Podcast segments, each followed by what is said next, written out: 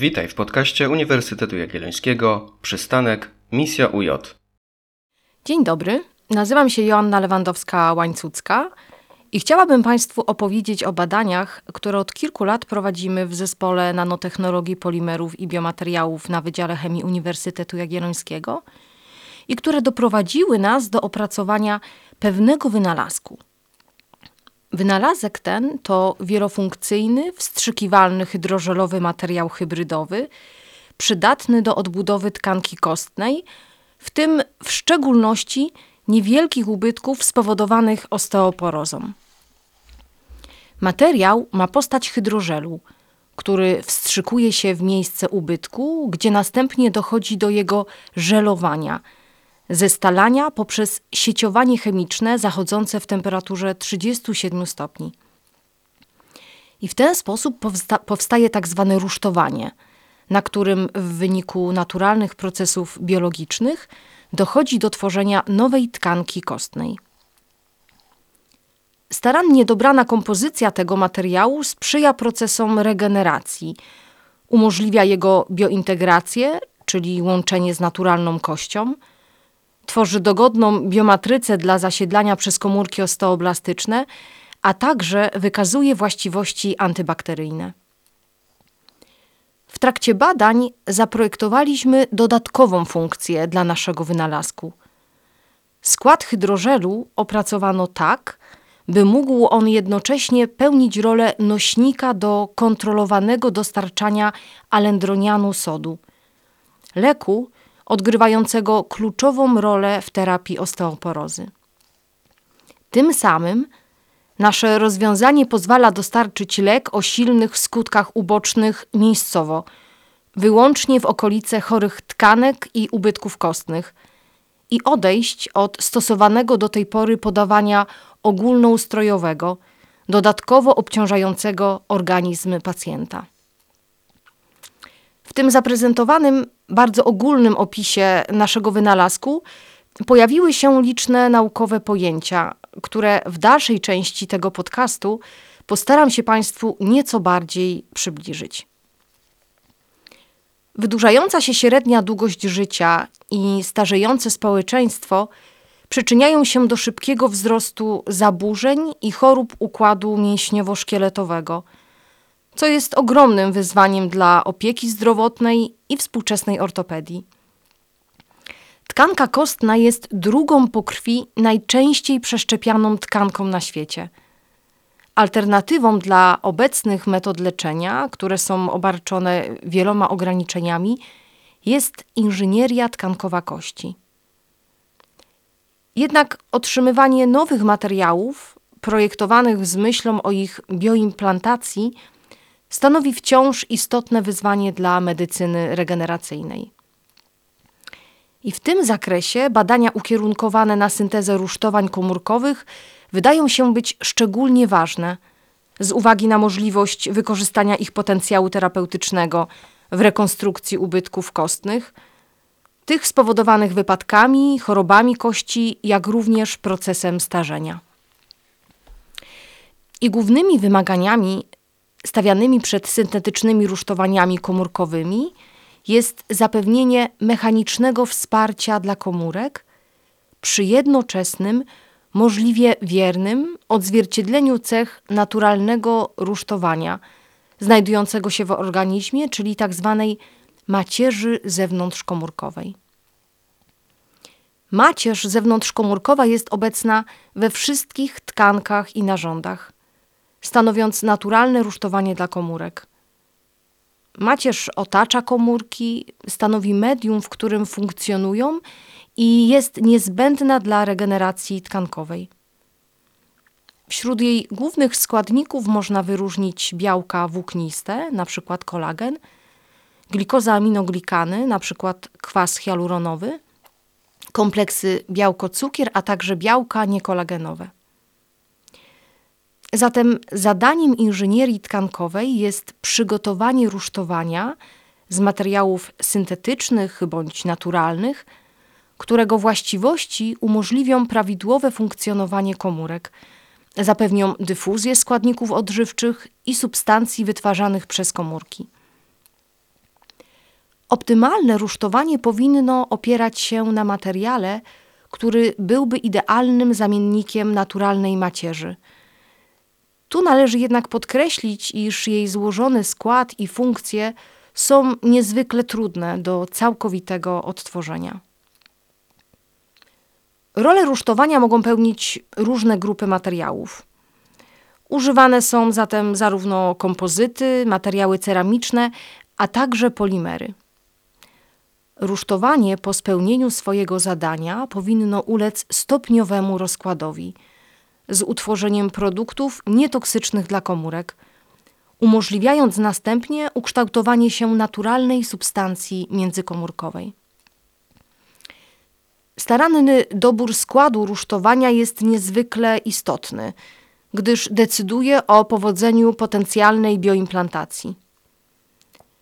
Wśród głównych kryteriów stawianych materiałom wykorzystywanym do otrzymywania rusztowań warto podkreślić biozgodność, bioresorbowalność, odpowiednie właściwości mechaniczne, a także wysoki stopień porowatości. Uzyskiwanie rusztowań powinno być możliwe na większą skalę, z jednoczesnym zachowaniem niezbędnych standardów gwarantujących jakość produktu. Zoptymalizowane powinny być koszty produkcji oraz sposób ich dostarczania jednostkom zajmującym się implantacją. Powyższe kwestie mają kluczowe znaczenie w komercjalizacji i w zastosowaniach klinicznych. Zasadnym jest zatem pytanie, dlaczego w naszych badaniach skoncentrowaliśmy się na wykorzystaniu biopolimerowych wstrzykiwalnych hydrożeli. Otóż materiały te są niezwykle obiecującymi kandydatami do zastosowań jako rusztowania ze względu na szereg wyróżniających je właściwości, takich jak łatwość wypełniania ubytków poprzez wstrzyknięcie w miejsce uszkodzonej tkanki, wysoka zawartość wody, elastyczność i plastyczność, nadająca im właściwości zbliżone do żywej tkanki. Zdolność do żelowania w warunkach in situ, zapewniająca lepsze odzwierciedlenie cech chemicznych i fizycznych środowiska naturalnej macierzy, a także zapewnienie fizycznej integracji z uszkodzoną tkanką. Co więcej, wzbogacenie zolu w dodatkowe składniki daje możliwość otrzymywania tzw. Tak materiałów hybrydowych o nowych, pożądanych właściwościach, których same hydrożele nie posiadają. Czym są hydrożele i jak powstają? Hydrożele definiuje się jako struktury składające się z trójwymiarowych sieci polimerów oraz wody, która wypełnia przestrzenie między makrocząsteczkami, łańcuchami polimerowymi. Zdolność do pochłaniania dużej ilości wody wynika z obecności grup hydrofilowych przy jednoczesnym zachowaniu trójwymiarowej struktury dzięki chemicznemu lub fizycznemu usieciowaniu poszczególnych łańcuchów polimerowych. Wśród hydrożeli można zatem wyróżnić hydrożele fizyczne, w których usieciowanie realizowane jest poprzez utworzone wiązania wodorowe, jonowe czy oddziaływania hydrofobowe – a także te dużo stabilniejsze hydrożele chemiczne, w których łańcuchy polimerów są połączone wiązaniami kowalencyjnymi. Hydrożele znalazły szereg zastosowań zarówno w medycynie, jak i w farmacji. Wykorzystuje się je m.in. do produkcji soczewek kontaktowych, bioaktywnych opatrunków, układów do dostarczania leków, a także, jak już wspomniałam, do otrzymywania rusztowań komórkowych. Dzięki swoim właściwościom upodabniającym je do naturalnych tkanek, hydrożele tworzą środowisko sprzyjające szybszemu wzrostowi komórek w porównaniu do innych materiałów. I to, co również niezwykle istotne, to możliwość ich zastosowania w formie wstrzykiwalnej – co pozwala na dotarcie do głęboko zlokalizowanych ubytków przy jednoczesnym zapewnieniu minimalnej inwazyjności metody. Elementami składowymi opracowanych przez nas hydrożeli są biopolimery wchodzące w skład naturalnej macierzy zewnątrzkomórkowej, w tym kolagen i kwas hialuronowy, a także chitozan. Kolagen jest białkiem, biopolimerem będącym jednym z głównych składników tkanek kręgowców i bezkręgowców. Wchodzi m.in. w skład skóry, ścięgien, chrząstek, a także kości. Białko to wykazuje charakterystyczną budowę. Składa się z włókien tworzonych przez włókienka, te zaś formowane są przez potrójną prawoskrętną helisę, utworzoną przez trzy lewoskrętne łańcuchy polipeptydowe alfa. Pomimo iż zidentyfikowano około 29 typów kolagenu, różniących się między sobą głównie konformacją łańcuchów alfa i ich wzajemną kombinacją w helisie, obecnie wykorzystywanych jest zaledwie kilka z nich. Zdecydowanie najbardziej popularnym jest kolagen typu pierwszego, charakteryzujący się mocnymi włóknami o dużej rozciągliwości i wytrzymałością. Jak już wspomniałam, kolagen wchodzi w skład naturalnej macierzy, a także stanowi istotny składnik kości. Białko to spełnia ważną rolę w prawidłowym funkcjonowaniu organizmu. W tym odpowiada m.in. za podporowo-szkieletową funkcję tkanki kostnej, mechaniczną ochronę przez skórę, zapobieganie jej odwadnianiu, utrzymanie jędrności i elastyczności. Kolagen odgrywa również istotną rolę w rozwoju organów i regeneracji tkanek. Przejdźmy do kwasu hialuronowego. Związek ten jest naturalnie występującym biokompatybilnym, a także biodegradowalnym liniowym polisacharydem, będącym głównym składnikiem węglowodanowym macierzy zewnątrzkomórkowej. Jego zadanie w organizmie polega na utrzymywaniu strukturalnej spójności, nadawaniu tkankom elastyczności i sprężystości. Związek ten znalazł liczne zastosowania biomedyczne, w tym m.in. w, w okulistyce, w leczeniu zachowawczym jako składnik kropli do oczu, w dermatologii do leczenia blizn, oparzeń czy owrzodzeń, a także w reumatologii i ortopedii, gdzie wykorzystywany jest do łagodzenia objawów chorób zwyrodnieniowych stawów. Związek ten zdobył również mocną pozycję jako szeroko stosowany w chirurgii plastycznej i dermatologii estetycznej, a także jako składnik powszechnie już dodawany do kosmetyków.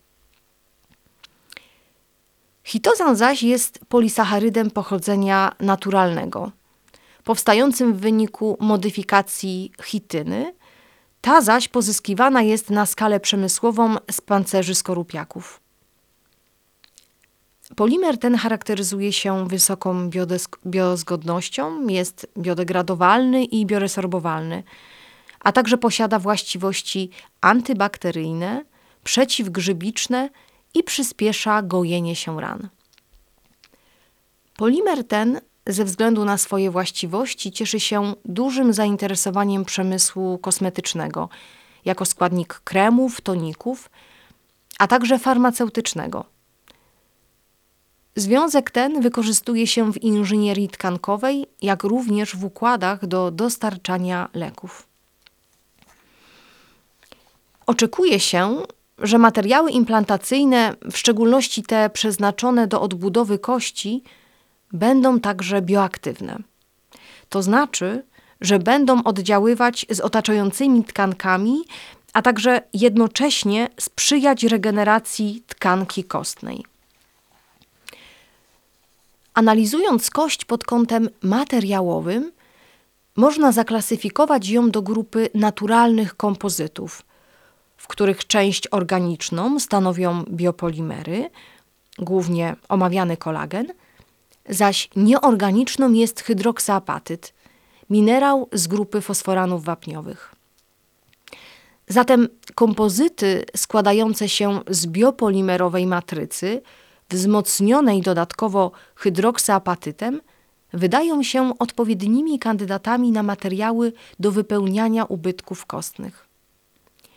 W związku z powyższym, w celu nadania rusztowaniu właściwości bioaktywnych, wprowadziliśmy do opracowanego hydrożelu dodatkowy składnik nieorganiczny.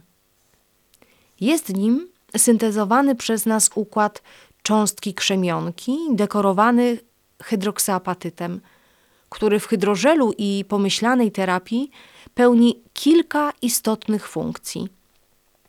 Między innymi po wstrzygnięciu do ubytku stanowi niejako łącznik z naturalną kością i służy za podłoże dla osteoblastów, które odbudowują tkankę kostną.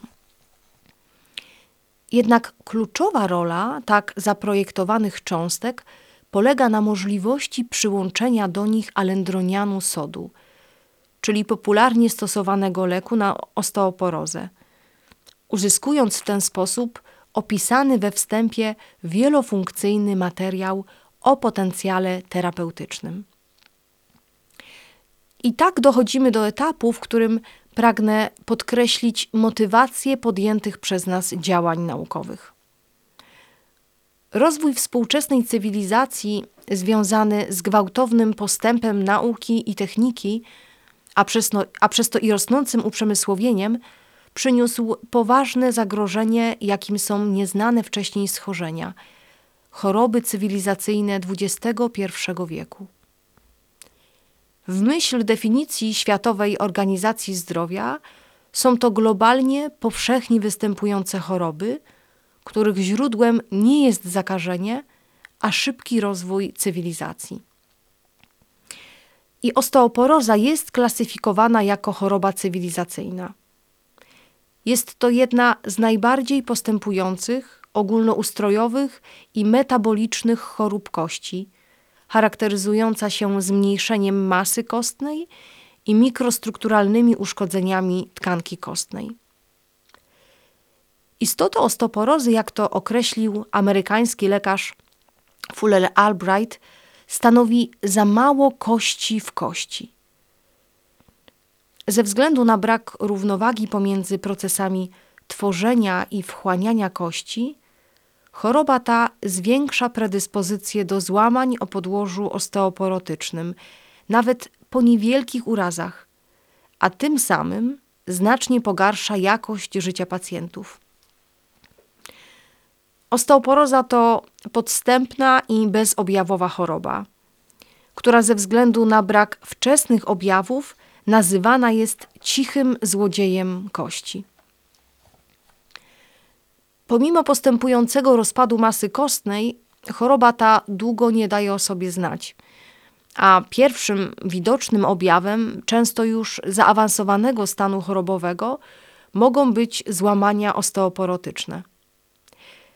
Za najczęstsze złamania związane z osteoporozą uważa się złamania nadgarstka, kręgosłupa i bliższego odcinka kości udowej.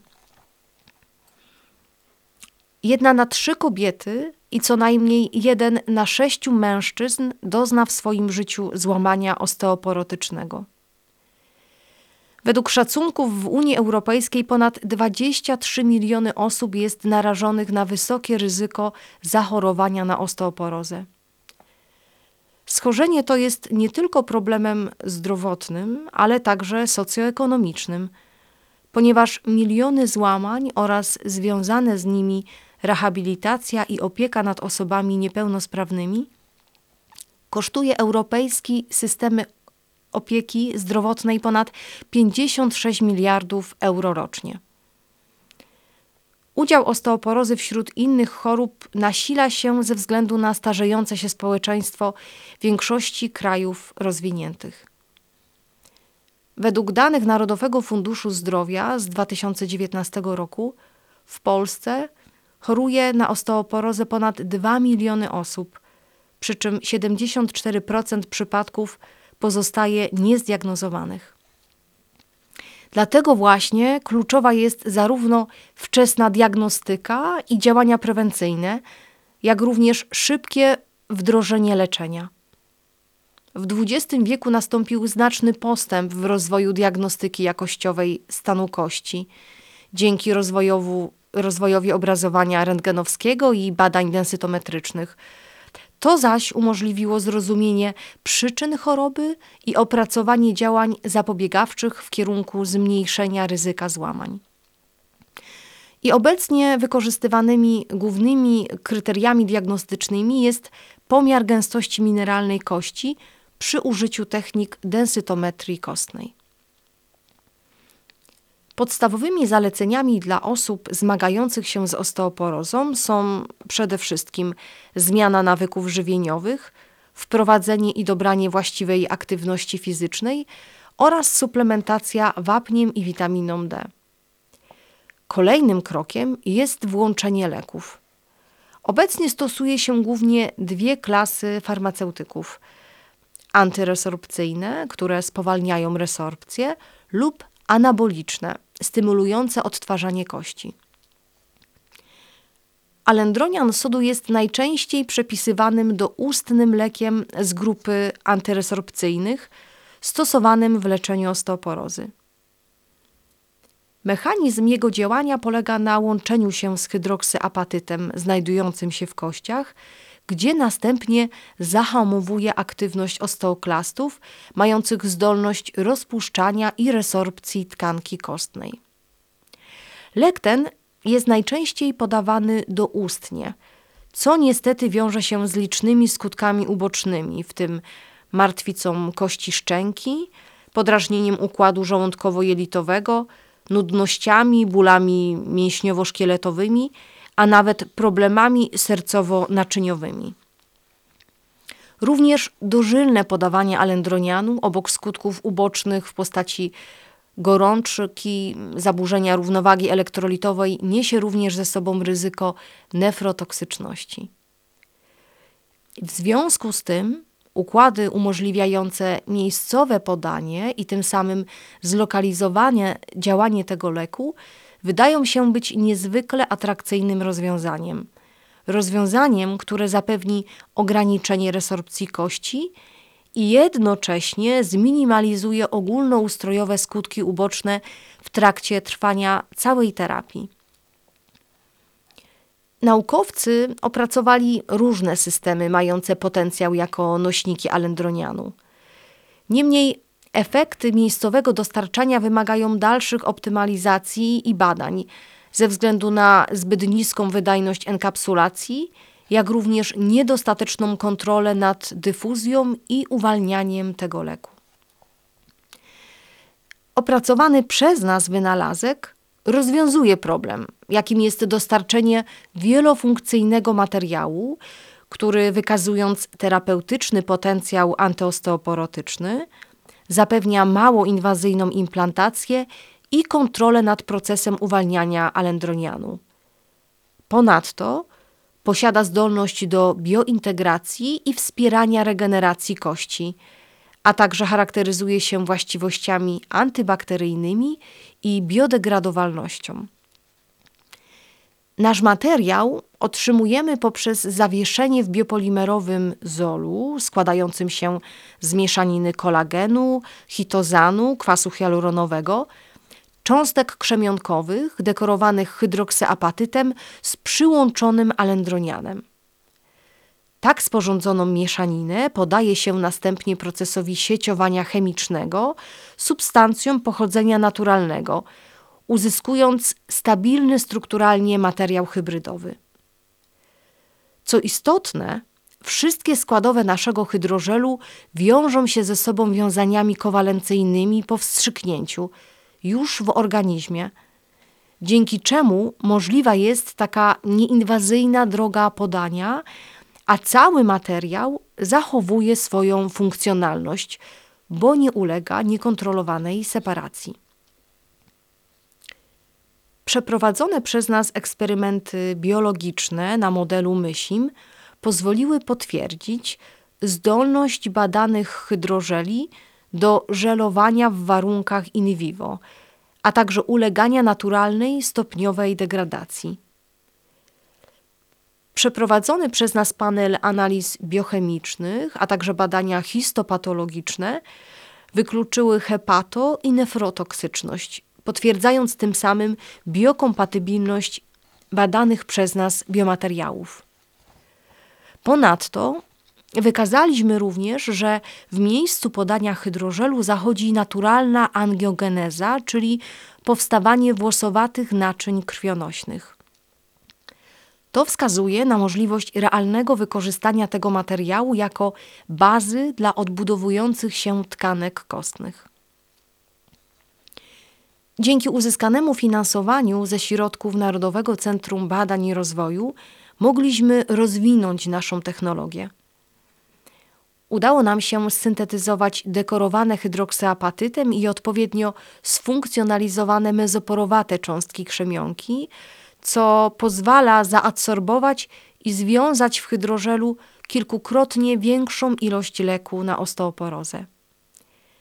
Badania wykazały, że użycie tego rodzaju cząstek pozwoli nie tylko znacznie zwiększać stężenie alendronianu sodu w pobliżu chorych miejsc, ale że porowata struktura będzie spowalniać proces uwalniania leku, co może wydłużyć w czasie jego działanie.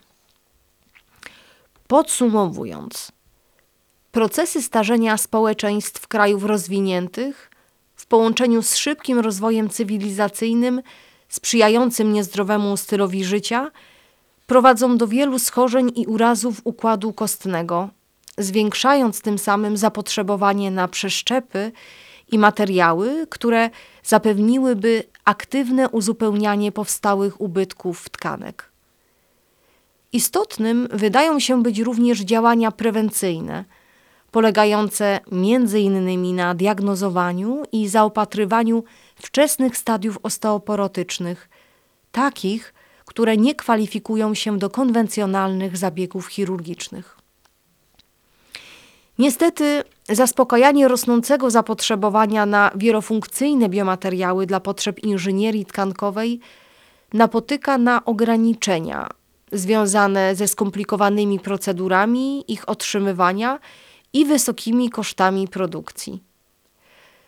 To niestety powoduje powstawanie luki pomiędzy badaniami laboratoryjnymi a zastosowaniami terapeutycznymi. Opracowany przez nas wynalazek pozwala wyeliminować te ograniczenia. Charakteryzuje się bowiem prostą i stosunkowo tanią metodą otrzymywania. Synteza bioaktywnego nośnika przebiega w warunkach fizjologicznych bez potrzeby spiekania czy stosowania surfaktantów. Nasz wynalazek charakteryzuje się bioaktywnością i biomimetycznym składem hydrożelu, który wspomaga proces kościotworzenia upośledzony u osób z osteoporozą.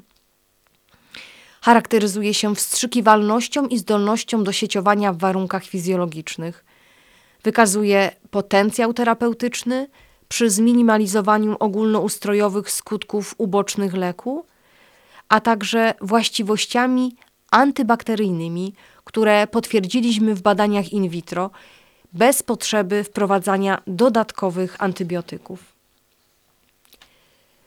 W aspekcie komercyjnego zastosowania warto w szczególności zwrócić uwagę na fakt, iż otrzymany materiał ma postać wstrzykiwalną, umożliwiającą aplikację w mało inwazyjny sposób.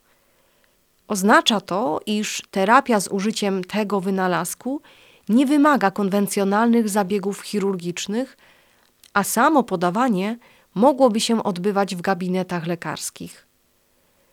Jak wspomniano powyżej, opracowane materiały hybrydowe z przyłączonym alendronianem są dedykowane do odbudowy ubytków kostnych o niewielkich rozmiarach, zwłaszcza tych spowodowanych osteoporozą. Niemniej opracowana przez nas metodologia otrzymywania wstrzykiwalnego bioaktywnego materiału hybrydowego bez przyłączonego alendronianu może zostać również wykorzystana we wspomaganiu leczenia różnego typu niewielkich ubytków ortopedycznych, jak również ubytków stomatologicznych. Na koniec pragnę podkreślić, iż badania te były możliwe tylko i wyłącznie dzięki ogromnemu zaangażowaniu i połączeniu kompetencji naukowców, będących przedstawicielami różnych pokoleń i dyscyplin naukowych. Wszystkim serdecznie dziękuję.